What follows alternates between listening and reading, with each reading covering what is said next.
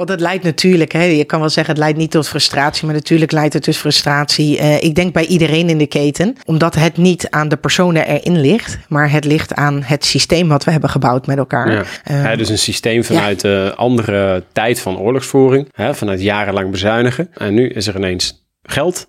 Uh, en we hebben een ander conflict. Ja, Daar hoort en, een ander gedrag bij. Ja, en we hebben daarbij dan nog de tijd dat we denken: wij, wij kunnen niet meer wachten uh, om uh, te digitaliseren. Het ministerie van Defensie. Een bedrijf met gepassioneerde, trotse en talentvolle mensen. In deze podcast verbinden wij deze mensen zodat ze samen sterker worden. Zoek Samen Sterker podcast en luister of kijk via YouTube, Gpal, iTunes, Spotify of Soundcloud. Met wie heb ik het genoegen? Nou, goedemiddag. Ik, uh, uh, nou, Linda de Loper. Ik ben uh, 45 jaar en uh, kom uit Zevenbergen. Ehm, ik heb een, ben getrouwd. Ik heb een zoon van 10. Um, en ik uh, werk 21 jaar bij de luchtmacht. Daarvoor uh, een paar jaar uh, als consultant gewerkt. Was toch niet mijn ding. Um, en ik heb toch echt wel blijkbaar een defensie- en luchtmachthart. dus, en ik mag sinds december 2020 deze functie doen. Als je ehm, digitale transformatie zou moeten framen, waar hebben we het dan over? Ja, we hebben het over, over eigenlijk heel veel dingen. Uh, dus de scope is, uh, kan oneindig lijken. Alleen ja, dan kun je eigenlijk nergens aan beginnen. Dus um, wat wij eronder verstaan, um, is vooral het uh, kijken waar je in processen in je organisatie, welke taken, welke processen, welke processtappen je eigenlijk slimmer kunt doen, of sneller kunt doen, of beter kunt doen door middel van automatisering of software applicaties, um, nou ja, een digitalisering van een processtap. Ja. Of stappen, of misschien wel zelfs hele processen uiteindelijk. Um, en allemaal met het doel om te zorgen dat we als uh, collega's van, van Defensie en als medewerkers van Defensie onze um, schaarse kennis en kunde en capaciteit kunnen inzetten op die dingen wat een computer niet kan. Ja. Zodat je in ieder geval zorgt dat je daarvoor je handen vrij hebt. Hoe kunnen we um, de mens laten doen waar de mens goed in is? En computers laten doen waar computers goed in zijn. Absoluut. Een mooie ja? combinatie tussen. Ja. ja. Waarom uh, nu pas starten binnen de luchtmacht met de digitale transformatie? Had dat 10 of 15 jaar geleden niet al gemoeten? Ja, daar hadden we, hadden we ongetwijfeld, als we dat hadden bedacht op dat moment, hebben daar, hadden we daar nu misschien wel meer profijt van gehad. Maar het belangrijkste is wel dat wij afgelopen zes jaar allemaal nieuwe vliegtuigen, helikopters, onze vloot hebben mogen vernieuwen, kunnen vernieuwen. Um, en op al die nieuwe Um, wapensystemen zitten ook weer andere sensoren en betere sensoren, waarbij we meer data kunnen verzamelen. Um, en die we, waarmee we uiteindelijk ons hele Intel-proces kunnen voeden. Ja. En kunnen zorgen dat je ook je hele command- en controlcyclus kunt voeden en versnellen en verbeteren. Um, want dat is natuurlijk uiteindelijk het doel dat we uiteindelijk als defensie wel winnen ja. in, het, in het conflict. En dus sneller zijn dan, uh, dan de vijand of dan de, de tegenstander. Ja. Um, dus ja, dat heeft, daarmee, dat heeft vooral ook daarmee te maken dat dat nu uh, op heel veel fronten um, zorgt voor een versnelling. En daarnaast denk ik ook gewoon omdat wij um, gewend zijn en ook veel op uitzending zijn geweest. We zijn altijd al met weinig mensen. Uh, je moet hier echt wel capaciteit en kennis en kunde en denkkracht tegenaan zetten om dat te doen. Uh, als luchtmacht zijn we al wel eerder gestart. Ik heb hier nu een jaar geleden een programma van gemaakt. Maar als luchtmacht zijn we al in 2000. 16 zijn we al gestart met de vijfde generatie visie. Ja. En de huidige CLSK um, heeft toen ook al gezegd van nou, ik voorzie inderdaad natuurlijk in het stuk informatiedominantie. Dat moeten we gaan vergroten. En laten we daarvoor onder andere een data science cel oprichten. We gaan met een cyber, cyber warfare team gaan we oprichten en aan de slag. We gaan ons airspace warfare center gaan we uitbreiden. Gaan we volwassener maken, et cetera. Mm -hmm. Dus allerlei initiatieven. Bouwstenen hebben we die genoemd. Um, om te zorgen dat we daarmee al een aanzet gingen maken. Dus niet die 10, 15 jaar waar je het over hebt, ja. maar wel in ieder geval uh, een jaar of zes geleden. Hey, en en, en uh, om, om er gewoon even wat meer uh, context aan te geven. Um, um, wat zijn misschien één of twee hele concrete voorbeelden waar jullie je nu mee bezighouden. In het voorgesprek gaf je al aan dat heel veel dingen die jullie doen soms niet vast te pakken zijn. Hè? Want dat zijn allemaal nulletjes en eentjes. Eh, soms is het gewoon hartstikke lastig om, uh, om iets concreets op te kunnen leveren als mensen daarom vragen. Maar zijn er inmiddels al echt concrete dingen dat je zegt, ja, daar zou ik wel eens wat over willen vertellen? Ehm, nou ja, het, het, blijft sowieso wel uh, wat je zegt. Hè. We kunnen het niet fotograferen of uh, zomaar vastpakken. Dus dat blijft altijd een uitdaging in het programma om duidelijk te kunnen aangeven wat we hebben bereikt. Um, het zit hem ook nog veel in die randvoorwaarden. Dus ook veel in, die, in zo'n triageproces bijvoorbeeld. Om dat in te richten. Maar dat kost drie, drie kwart jaar ongeveer om dat gezamenlijk op te lopen. Ja. Um, maar dat, dat is dus nu bijna live. Dus dat vind ik echt wel een succes. we hebben een vakgebied data hebben we opgezet binnen de luchtmacht. Ehm, en dat zal een niet heel groot vakgebied nu nog zijn. Maar dat is vooral ook om te zorgen dat we bij de werving mensen kunnen aantrekken voor echt specifiek data en datafuncties. Ja. Dus dat is, heel, uh, dat is een hele mooie stap. Um, maar we zijn ook gewoon bezig, wat ik net zei onder digitalisering slagveld, met bijvoorbeeld een project om data te ontsluiten en op te slaan vanuit de MQ9. En ja. de, beeld, de beelden die uit de MQ9 komen, om daar met uh, artificial intelligence uh, te zorgen dat we daar die beeldherkenning kunnen verbeteren en versnellen. En daarbij eigenlijk de analisten die daar zitten bij 306, dat we die kunnen um, helpen en ondersteunen daarmee. Ja. Dus ja, de, de, uh, het is enorm divers. We zijn ook bezig met software robots die we hebben voor het, uh, uh, het tanken op alle vliegbasis, voor de fuel. Ja. Um, we hebben software robots die we nu um, breder gaan uitrollen over de HR-processen. Ja. Um, die allemaal in taken helpen om diverse bronnen van data, bijvoorbeeld SAP of PeopleSoft of OMIS, om die aan elkaar te koppelen en daar al een mooi beeld van te geven, zodat je dat als mens niet meer hoeft te doen. Jeetje, maar dat is wel echt heel breed dus, hè, waar je mee bezig bent. Over dat defensie breder gesproken. Ik wil het zo nog even met jou gaan hebben over uh, inderdaad de randvoorwaarden. Uh, en welke stappen jullie uh, concreet gaan zetten. Heb ik in de tussentijd ehm, nog een, een, korte video um, voor jou. van iemand die wilde jou een paar vragen stellen. Oh, nou, ik ben benieuwd. Hoi Linda, we zijn allebei al jarenlang bezig met, met de verandering van de luchtmacht. Om ervoor te zorgen dat de luchtmacht klaar is voor de toekomst. En dat is hard nodig. Want zoals jij en ik weten, uh, ontwikkelt de wereld op dat gebied om ons heen vaak veel sneller dan we hebben bijgehouden. En het is hoog tijd dat we meegaan, dat we uh, ons operationele optreden, maar ook onze bedrijfsvoering gaan digitaliseren. En zoals ik het altijd noem, dat we uh, mensen laten doen waar mensen goed in zijn. Maar vooral ook de computers laten doen waar computers goed in zijn. En dat is ons voorzien van actuele, accurate, betrouwbare uh, en vooral gedeelde informatie. Uh, met single sources of truths en, en meer van dat soort mooie dingen.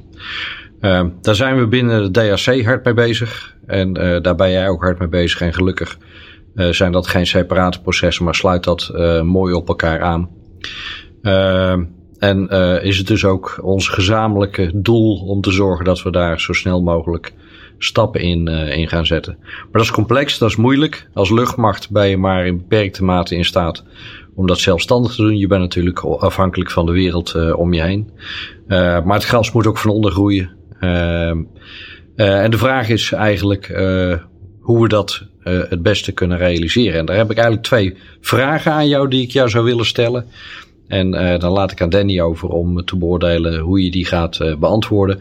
Maar mijn eerste vraag is: uh, hoe gaan we ervoor zorgen dat de digitalisering van de luchtmacht niet op zichzelf staat, maar aansluit bij de digitalisering van de rest van Defensie? Want vooral als DRC natuurlijk zijn we voor onze effectiviteit volledig afhankelijk van de samenwerking met anderen. Uh, en als onze netwerken niet aansluiten op die van de marine of de landmacht, ja, dan, uh, dan kunnen wij operationeel nooit effectief zijn. Dus dat vind ik een heel belangrijke. Ik ben heel erg benieuwd naar hoe jij daarnaar kijkt. En uh, de tweede vraag is, hoe kunnen we het proces versnellen? Ik zeg altijd, we zijn onze bedrijfsvoering van de luchtmacht van Defensie is voor een groot deel nog steeds gestoeld op dezelfde principes als in de vorige eeuw. Uh, en terwijl we buiten de poort alles met onze mobiele telefoon doen, doen we binnen de poort nog steeds heel veel met Excel spreadsheetjes en Word documentjes. En de vraag is hoe versnellen we dat? Hoe zorgen we dat we die achterstand die op sommige gebieden misschien wel twintig jaar is, uh, dat we die zo snel mogelijk inlopen. Uh, moeten we wachten op grote brede ontwikkelingen zoals GIT binnen Defensie? Uh, of kunnen we toch op een aantal punten veel sneller resultaat bereiken? Uh, en uiteraard niet alleen om onze vredes- bedrijfsvoering snel beter te maken, maar vooral om ons operationele succes in welk toekomstig conflict dan ook te garanderen. Nou, twee vragen en ik ben heel erg benieuwd uh, naar je antwoorden. heel veel plezier, heel veel succes. Ik spreek je snel. Hoi. Met wie had het genoegen? Robert Adang, de commandant van het DHC. Ja. Ja. Nou, even een Ja. uh, klein um, Ja. verrassingje voor jou. Ehm, ik begreep dat jullie wel eens samengewerkt hadden, elkaar niet heel goed kenden. Maar ik dacht, ik ga dat aan Robert vragen. Ook omdat Robert bij mij in de podcast was. En de titel van de podcast is... Een mobiele telefoon eh, verzamelt meer data dan 7 miljard aan helikopters die ik in de schuur heb staan. Eh, ik moest aan zijn podcast denken eh, in relatie tot jouw podcast. En daarom heb ik hem gevraagd om even deze video op te nemen. Ehm, we hebben het er al een klein beetje over gehad, maar eigenlijk zijn eerste vraag is dus: hè, eh, hoe gaan we ervoor zorgen dat het eh, CLSK niet separaat opereert, maar dat we ehm, eh, met een hele krijgsmacht gebruik kunnen maken van, een, van, van, van informatie? Ja. Nou, Nou, hele mooie vraag. Sowieso eh, hartstikke leuk om van eh, met Robert, eh, die loopt inderdaad met de DHC. Is, sowieso als persoon is het iemand die al ehm, eh, vooruit denkt, zeg maar, en altijd wel een visie heeft, ook op dit gebied. Wij werken ook heel veel samen met zijn mensen van de DHC. Ehm, en ik vind het mooi dat hij twee vragen stelt die heel erg met elkaar samenhangen. Het gaat vooral om de aansluiting en de samenwerking met andere krijgsmachtdelen. Ehm, dat, ehm, eh, dat doen we. Dat pakken we al zoveel mogelijk op. Eh, vanuit de CIO-office ehm, in Den Haag. Eh, van de bestuurstaf wordt er ook allemaal al verschillende overlegfora en, en werkbezoeken onderling georganiseerd. Ja. Waar we in ieder geval op eh, datavlak en op eh, digitaliseringsvlak elkaar al weten te vinden. Ja. Dus dat is in ieder geval fijn. Ehm, we moeten echt uitgaan van, van multidomein optreden. En Ja. als je vanuit die processen gaat werken en denken, dan heb je automatisch de verbinding met alle andere krijgsmachtdelen en andere partners, andere bondgenoten, waar wij mee moeten samenwerken of willen samenwerken. En je ook op die manier zorgt dat je dus de connect kunt hebben, letterlijk. Ja. Eh, de connect Ja. kunt hebben en al die afspraken daaromheen. Maar hoe goed zijn we daarin? Hè? Want eh, vroeger waren we echt gewoon losse eh, entiteiten, hè? eh, de krijgsmachtdelen. Op een gegeven moment hebben we gezegd, we moeten meer paars gaan werken. Ehm, hoe bereidwillig zijn al die losse afdelingen die toch ehm, ehm, eh, gewend zijn om vanuit bepaalde procedures I-kaartjes bij de landmacht. eh, wat natuurlijk hartstikke helpend is op heel veel vlakken eh, in de operatie. Eh, hoe, hoe doe je dat? Hoe ga je die mensen met elkaar connecten? Ehm, nou ja, het, het belangrijkste is denk ik dat wij eh, dat we A elkaar weten te vinden. Want we hebben binnen ieder krijgsmachtdeel richt iedereen het nu op zijn eigen manier in. Wij, eh, wat ik net vertelde, wij zijn zes jaar geleden begonnen met eh, een data science cell op te richten, een cyber warfare team. Ja. We zijn een paar jaar geleden begonnen met een robotics control center samen met DOSCO, die het eh, expertisecentrum daarvoor heeft. Ehm, dus op die manier hebben we al wat verbinding, maar lopen we ook op sommige vlakken wat voor. Ehm, wat ik nu merk afgelopen weken is dat er heel veel ehm, werkbezoeken over en weer zijn vanuit mijn team naar de andere krijgsmachtdelen om eh, kennis en kunde uit te wisselen over hoe start je nou zo'n RCC? Hoe start je nu een data science cell op? Wat moet er eigenlijk allemaal in zitten? Ja. Ehm, om dan te zorgen dat je ook met elkaar ook voldoende evenknieën hebt om met elkaar daarover te kunnen praten. Ja. Daarnaast zijn we aan de slag om te kijken hoe we vanuit eh, de luchtmacht, maar dan ook breder natuurlijk weer richting ehm, eh, de CDS. Ja. Dat hele MDO, het hele multidomein optreden. Hoe we dat in een goed concept met elkaar kunnen gaan wegzetten. Want dat is eigenlijk je paraplu waaraan je alles wilt ophangen. Ja. Ehm, en vanuit daaruit ga je kijken, wat heb ik dan nodig aan informatie op welk moment om mijn besluiten op te kunnen nemen. Ja. En dan pas kun je eigenlijk gaan kijken, wat hebben we nu precies nodig? Ehm, en wat voor IT-middelen zitten daar aan vast? Wat voor businessprocessen hangen daar aan vast? Wat voor andere randvoorwaarden moet ik hebben ingevuld? Ja. Ja. En, en, als we het dan hebben over uitdagingen in het programma, want ehm, hier hoor ik ook eh, snelheid van verschillende, opkoos. Hè? Dat moet ergens op elkaar aansluiten. Ehm, ehm, eh, wat ik begrijp, in ieder geval uit een, landen, eh hadden het er in het voorgesprek ook even over, is dat het CLSK best wel vooroplopers zijn op deze gebieden als het gaat om digitale transformatie. Wat, wat zijn nog meer uitdagingen binnen, binnen het programma? Ehm, ja, we hebben, we hebben binnen het programma zijn er.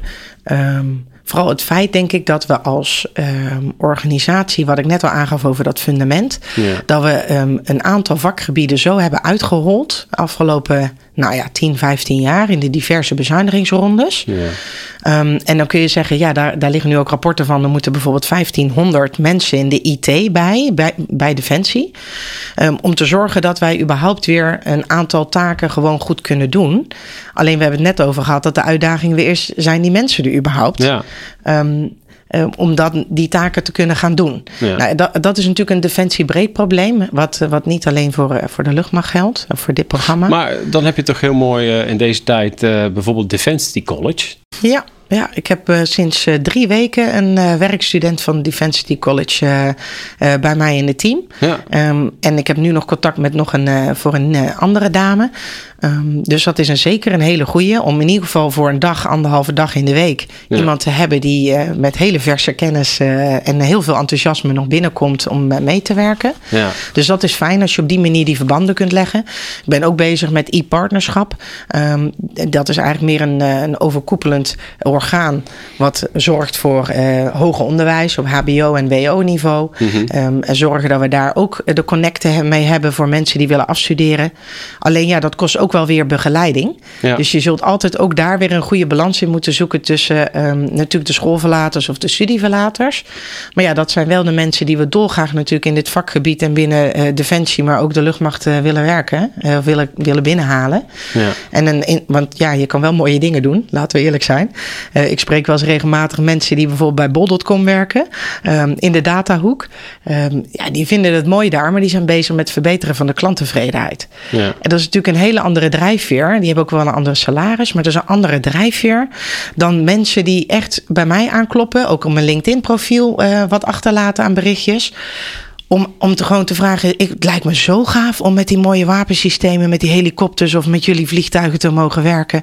En daar zeg maar iets met, te mogen doen met die data of iets te kunnen betekenen. Ja. Ja, ja die, die mensen zijn natuurlijk goud waard, laten we eerlijk zijn. Die wil je gewoon eh, graag eh, binnen Defensie eh, aan het werk Absoluut. Ja. hebben. Ja. Wat ik interessant vind is hoe kijk jij naar een adaptieve krijgsmacht? Wat is voor jou een adaptieve krijgsmacht? Hm, mooie vraag. Ehm, ja, wat is voor mij adaptieve krijgsmacht? Eentje die ehm, zo is ingericht. eh, aan de ene kant, dus echt je stukje processen ehm, en alles wat daarbij zit, waarmee je eh, snel kunt schakelen. Nou, daar klinkt natuurlijk ook allemaal weer hoog over. Ehm, in mijn beleving is dat dus meer als je bepaalde verantwoordelijkheden en bevoegdheden daar neerlegt waar het werk wordt gedaan. Ja. We zeggen vaak wordt lager neergelegd, maar we moeten hem neerleggen waar het werk wordt gedaan en waar je dus ook die besluiten kunt nemen. Ja. En als je dat aanvult met data die betrouwbaar is, dan worden die besluiten alleen maar beter. Ehm, dus dat is denk ik een hele belangrijke. Zorgen dat je niet heel veel dingen centraal trekt. Ja. Dus dat je ze vooral ook gewoon daar legt waar ook echt het werk gebeurt. En dat je dat ook durft. En ehm, dat de mensen in onze organisatie, in onze krijgsmacht, ehm, dat ook ehm, op die manier voelen. Dat je ook voelt dat je gewoon eh, op aarde bent om niet alleen jouw taakje te doen of jouw stukje van het proces, maar dat je ook weet van aan wie geef ik dit door en wat moet, die, wat moet mijn collega die hierna mijn product krijgt of mijn. Hè, Ja. Wat moet die ermee gaan doen? Dus dat je je beseft dat je onderdeel uitmaakt van een groter geheel dan alleen je eigen werk. Ja. Dat je ook ehm, het leuk vindt om eens wat nieuwe dingen op te pakken Ja. en uit te proberen. Dat je niet bang bent om op je gezicht te gaan. Ja. Dus dat je wat lef toont. Maar dat we dus ook leadership hebben. Wat, wat dat niet afstraft. Wat Ja. dus ook fouten maken mag. We roepen het vaak. ehm, maar het is ook, dat is echt de key. Dat is echt nodig om te zorgen dat we met elkaar een lerende organisatie worden. Ja. En dat is wat mij betreft adaptiviteit. Dat je snel kunt inspelen op veranderingen als organisatie. Zowel in je inrichting als in de mensen in onze organisatie. Ja. Als dat je zeg maar zorgt voor. ehm, ehm, ja, dan ook die, die innovatiekant erin, dus de vernieuwing. En Ja. zorg dat je op die manier je, je experimenten kunt uitproberen. Dat je op je gezicht mag gaan. Dat, er- dat je daar wel van leert. Hè? Dat Ja. dat de enige randvoorwaarde is. Dat we er wel van leren. En dat we dat weer proberen te verwerken. Mooi. Mooi. Mooi pitch ook dat je hem zo krachtig wegzet. Hè? Uh, dus samenvattend, hè, wat is een adaptieve krijgsmacht volgens jou? Processen inrichten waarmee je snel kunt schakelen. En daarbij zeg jij, leg de verantwoordelijkheid neer daar waar de besluiten worden genomen. Mooie aanvulling vanuit jouw vakgebied, hè, dat je door data verhoog je eigenlijk de validiteit van je besluiten. Uh, en zorg dat de mensen ook voelen en weten aan welk groter geheel ze bijdragen en hoe ze dit indien nodig uh, over moeten dragen. We hebben het hier over de bedoeling. en ben niet bang om fouten te maken, want fouten maken slaat creativiteit plat. En als laatste zeg je: zorg dat we ons leiderschap zo inzetten dat we een lerende organisatie zijn en blijven. En wat ik me dan afvraag, Linda, um, wat is dan volgens jou um, als je naar de individuele medewerker kijkt op de werkvloer. Aan de ene kant willen we natuurlijk doelen nastreven. Aan de andere kant willen we de creativiteit ook niet plat slaan. Want dat is belangrijk. Wat is daar de verhouding uh, voor een adaptieve krijgsmacht als we het hebben over de gedragscomponent? Wat is daar de verhouding tussen volgens jou? Um, wat het vooral moet zijn, is denk ik dat je als leidinggevende um, een werkomgeving moet creëren waarin mensen het leuk vinden, maar het ook durven om te zorgen dat je dat je uiteindelijk ook gewoon die stap durft te zetten om iets nieuws uit te proberen. En dan misschien een leidinggevende hebt die je gewoon een keertje laat gaan en op je gezicht laat gaan. Ja. En dat je denkt, nou, daar heb ik van geleerd. Nou, dat was het doel, heel goed. Um, dus, dus dat je eigenlijk zorgt, in mijn beleving, dat het niet iets is wat er apart van komt te staan. Ja. Het moet integraal onderdeel zijn. Ja. Um, dat is denk ik het belangrijkste. Um, en als je dan zegt, hoe kunnen we dat dan bewerkstelligen?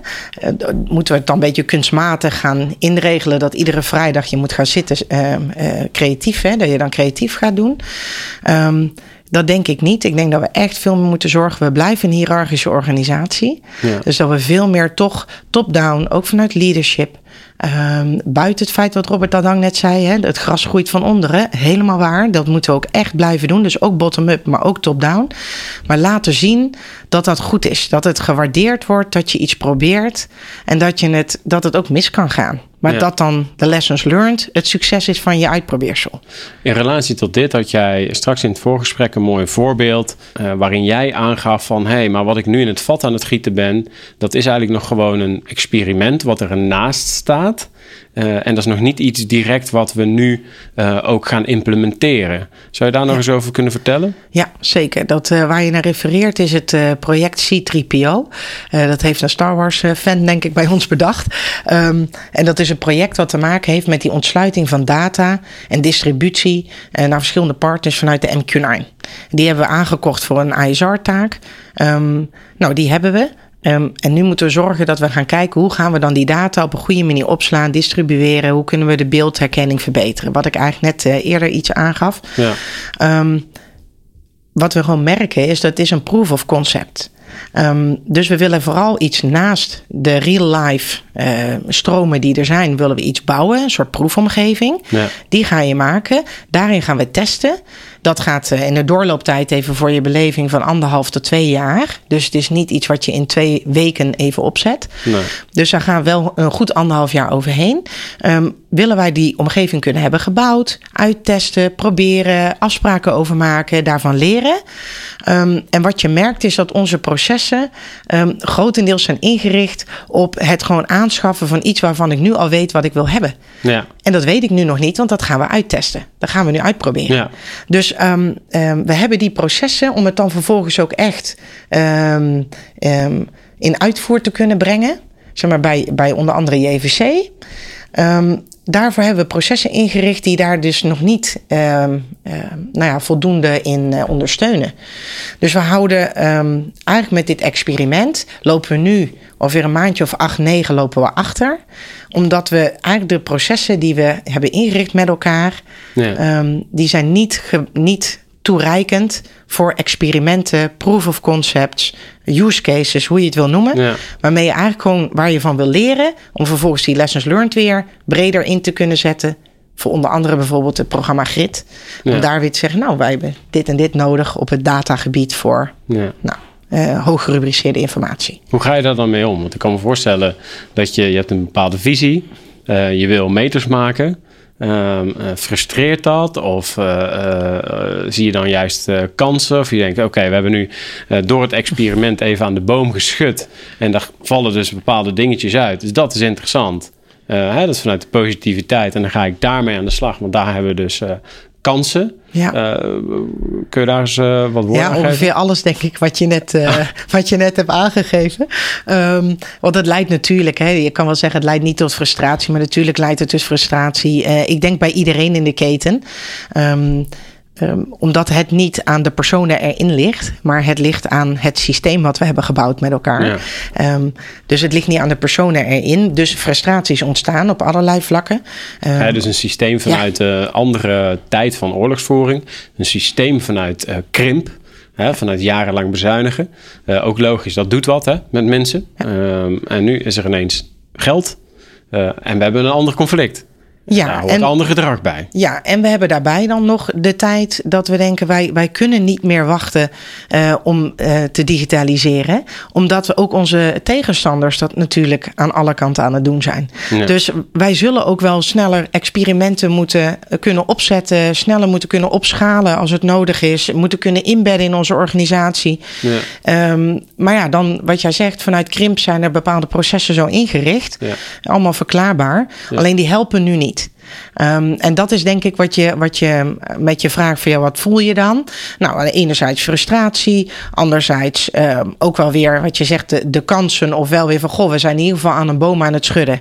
En um, we hopen dat dat in ieder geval zijn, zijn spin-off gaat hebben, uh, mm -hmm. positief. daar gaan we natuurlijk met alle partijen zitten we daarvoor om de tafel. dus het is ook geen onwil van welke collega's dan ook.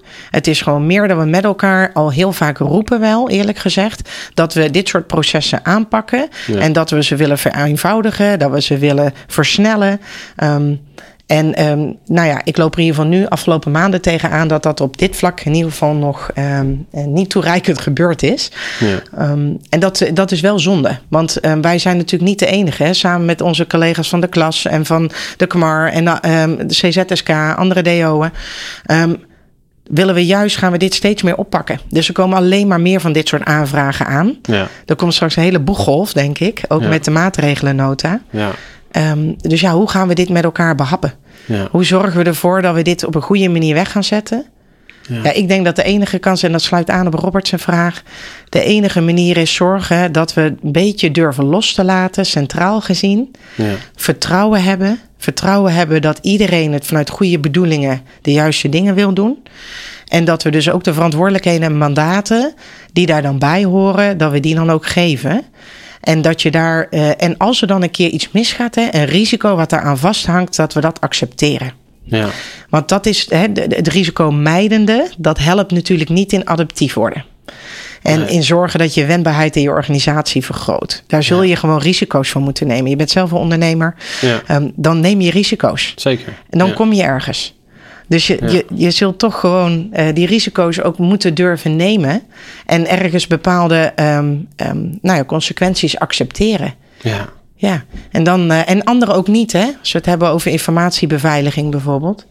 Dan denk ik, ja, daarin wil je misschien uh, heel weinig risico's lopen of gewoon geen risico's. Nou, dan moeten we zorgen met elkaar dat we dat goed inregelen. Is, um, is uh, transformatie te borgen? Want um, ze zeggen wel eens de enige constante is verandering dat is een ongoing proces uh, in mijn optiek. Um, uh, dan hebben we het over termen als borgen en schalen. Kan dat wel? Of moet dit gewoon een standaard onderdeel, we hebben het er al een klein beetje over gehad, worden van de krijgsmachttransformatie? Ja, aan zich. Als, ja. Nou ja, ik denk eerlijk gezegd dat we, um, als je zegt transformatie borgen, dan zul je aan de ene kant denk ik experts nodig hebben en blijven houden in je organisatie die verstand hebben van organisatieveranderingen, vanuit ja. welke hoek dan ook die dan zeg maar, daar je organisatie gewoon bij kunnen helpen. Dus ja. dat is meer een soort expertclub aan mensen. Um, en verder zul je het echt inderdaad in je bedrijfsvoering moeten uh, inbedden. En als je het hebt over de digitale transformatie, dan uh, zie ik het vooral nu voor het programma dat wij heel veel van die randvoorwaarden en het fundament ehm, gaan inrichten. En dus, dus we willen niet nu met de zolder beginnen terwijl we nog niet het fundament hebben gestort. Hè? Ja. Dus die, die moeten we fixen. Dus we gaan zorgen dat heel veel randvoorwaarden worden ingevuld. Om uiteindelijk ook te zorgen dat wij die digitalisering van het slagveld en van onze bedrijfsvoeringsprocessen. Dat we die dus ongoing kunnen blijven doen. Ja. En dat, moeten we, dat gedeelte moeten we helemaal inbedden. Ja. De andere gedeelte is natuurlijk ook qua randvoorwaarden. Maar dat is eenmalig opzetten en dan bijhouden. Ja. En de andere zaken zijn natuurlijk steeds weer doorontwikkelen. Nieuwe technieken, nieuwe manieren om te automatiseren en te digitaliseren. Ja. Ehm, en daarin kunnen we steeds ehm, nou ja, verder gaan. Dus dat, dat is dan even heel specifiek voor de digitale transformatie, denk ik, de manier hoe ik het zie om te borgen. Dat Ja. we uiteindelijk gewoon de randvoorwaarden invullen en eh, digitaliseren van het slagveld en de bedrijfsvoering en de processen daarin. Dat we dat is een ongoing business. Dat gaat niet meer weg. Ja. En dat maakt integraal onderdeel uit waar we net al over hadden van eh, het multidomein optreden. Ja. Ehm, want daar doen we het uiteindelijk voor natuurlijk om airpower te leveren. En, ehm, ehm, ja, en we moeten kijken dus hoe we daar dan blijvend aan kunnen bijdragen. Ja. Ja. ja. Hey, ehm, wat zijn voor eh, het programma Digitale Transformatie eh, de concrete stappen voor de komende periode? Nou, de concrete stappen denk ik zijn vooral ehm, wat ik net zei over die randvoorwaarden, die triageprocessen, die gaan we dus echt nu in gebruik nemen. Het aanvragen van allerlei informatiebehoeftes die er zijn. Dat is nu een proces wat ehm, nogal ehm, nou ja, divers verloopt, laat ik het maar zo even zeggen. Ehm, via verschillende kanalen komen er eh, aanvragen bij JVC terecht, bijvoorbeeld. Terwijl wij natuurlijk eigenlijk een geprioriteerde lijst moeten geven aan JVC. Ehm, dus dat soort processen zijn we aan het inrichten. Ik ga verder met het eh, functiehuis, wat achter het vakgebied data zit. Om te gaan kijken samen met andere vakouders ehm, en samen met onze HR-afdelingen. om te kijken hoe we dat op een goede manier kunnen vormgeven. Zodat de verschillende data-analysten en scientisten en mensen, business-analysten, die allemaal in die periferie werken, dat we daar ook afspraken mee kunnen gaan maken voor loopbaanpaden, voor Ja. carrièreperspectief. Ehm, dus dat zijn ook eh, concrete zaken. Eh, we zijn wat functies aan het publiceren. Dus ehm, ik ben nog op zoek naar business analisten. Ehm, Gelijk een oproep hoor ik. ja, zeker weten. ja. Ik maak er meteen gebruik van. En ik ben bezig om te kijken of dat wij het eh, CIO-stelsel, ieder departement moet een decentraal of een centraal eh, CIO-stelsel inrichten. Nou, en wij hebben als Defensie gekozen om ook binnen ieder ehm, eh, DO of binnen ieder OPCO een decentrale CIO aan te maken. Mhm. ehm, en een team daarbij te hangen. Chief Information Officer. Ja, voor de ja, ja even heel goed. Heel Ja. goed. Ehm, en daaronder hangen bijvoorbeeld ook een Chief Data Officer en een Chief Information Security Officer. Ja. Eh, mensen die bezig zijn met IT, mensen die bezig zijn met IM, eh, informatiemanagement. Ehm, nou, die club die moet ook opgericht gaan worden komende tijd en ingericht gaan worden en de mensen Je gaat druk krijgen, aangenomen. Linda. Ja, dat heb ik al. Ja, maar heerlijk. Daar is natuurlijk niks mis mee. Nee, Daar is niks nee, mis mee. En dat is voor jou als, eh, als, eh, als eh, dochter van een ondernemersfamilie, is dat natuurlijk tweede natuur. Heb je nog misschien mooie tips voor collega's die met verandering op het gebied van digitaal bezig zijn? Ehm, wat, zouden, wat zouden gewoon even out of the blue een aantal tips als programmamanager digitaal transformatie van jou zijn?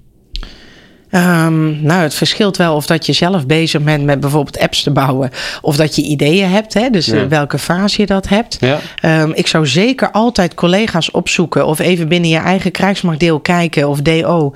Kijken wie er al mee bezig zijn. En die Mhm. kunnen je vaak wel weer verder helpen als er misschien niet een heel een, eenduidig aanspreekpunt is. Ja. Ehm, en, en zoek ze op. Want eh, dat heb ik wel gemerkt. Dat wij ook in de gesprekken met onze vliegbasis, met onze commands. blijkt dat er al zoveel gebeurt. En dat er zoveel initiatieven zijn. Ehm, allemaal mooie dingen, allemaal mooie initiatieven. En dat we het van elkaar vaak niet eens weten. Ehm, en dan heb je daar en een, eh, een, iemand die dat ook leuk vindt om ermee aan de slag te zijn. Dus dan kun je misschien een beetje je Ja. eigen community gaan bouwen. Ja. Of je kunt je aansluiten bij een community. Wij hebben zeg maar de, de echt meer de digitale community binnen de luchtmacht zijn we aan het. Uh, nou ja, je zet zoiets niet op natuurlijk. Die community die vormt zich. Ja. Um, dus die zijn we aan het vormen. Uh, we hebben wat verschillende um, uh, events ook in de planning staan. Um, dus dat is alleen maar leuk. Dus, dus laat het weten. als je er iets over wilt weten, kun je altijd mailen natuurlijk. ook gewoon naar, naar mij of naar mensen uit mijn programma, uit mijn programmabureau. Um, uh, neem vooral in ieder geval contact op. Want Ja. we zijn al met heel veel dingen bezig. En ga zelf niet proberen het wiel uit te vinden of de wegen te bewandelen. Ja. Um, maar, maar laat het even weten, dan kunnen we helpen. En dan Ja. kunnen we kijken hoe we dat samen kunnen uh, vormgeven of oplossen. Mooi. Mooi. Is er een vraag die ik jou niet gesteld heb, waarvan jij denkt van nou, dit wil ik nog echt even kwijt als afsluiting van, uh, van ons interviewtje?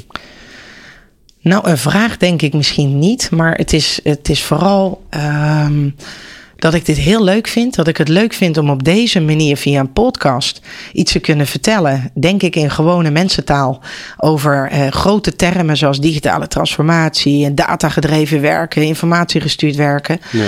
En dat, dat dit een heel mooi medium is om dat te doen.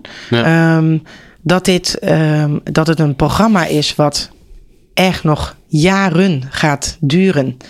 Um, maar wat aan de andere kant niet moet ontmoedigen, doet het mij in ieder geval niet.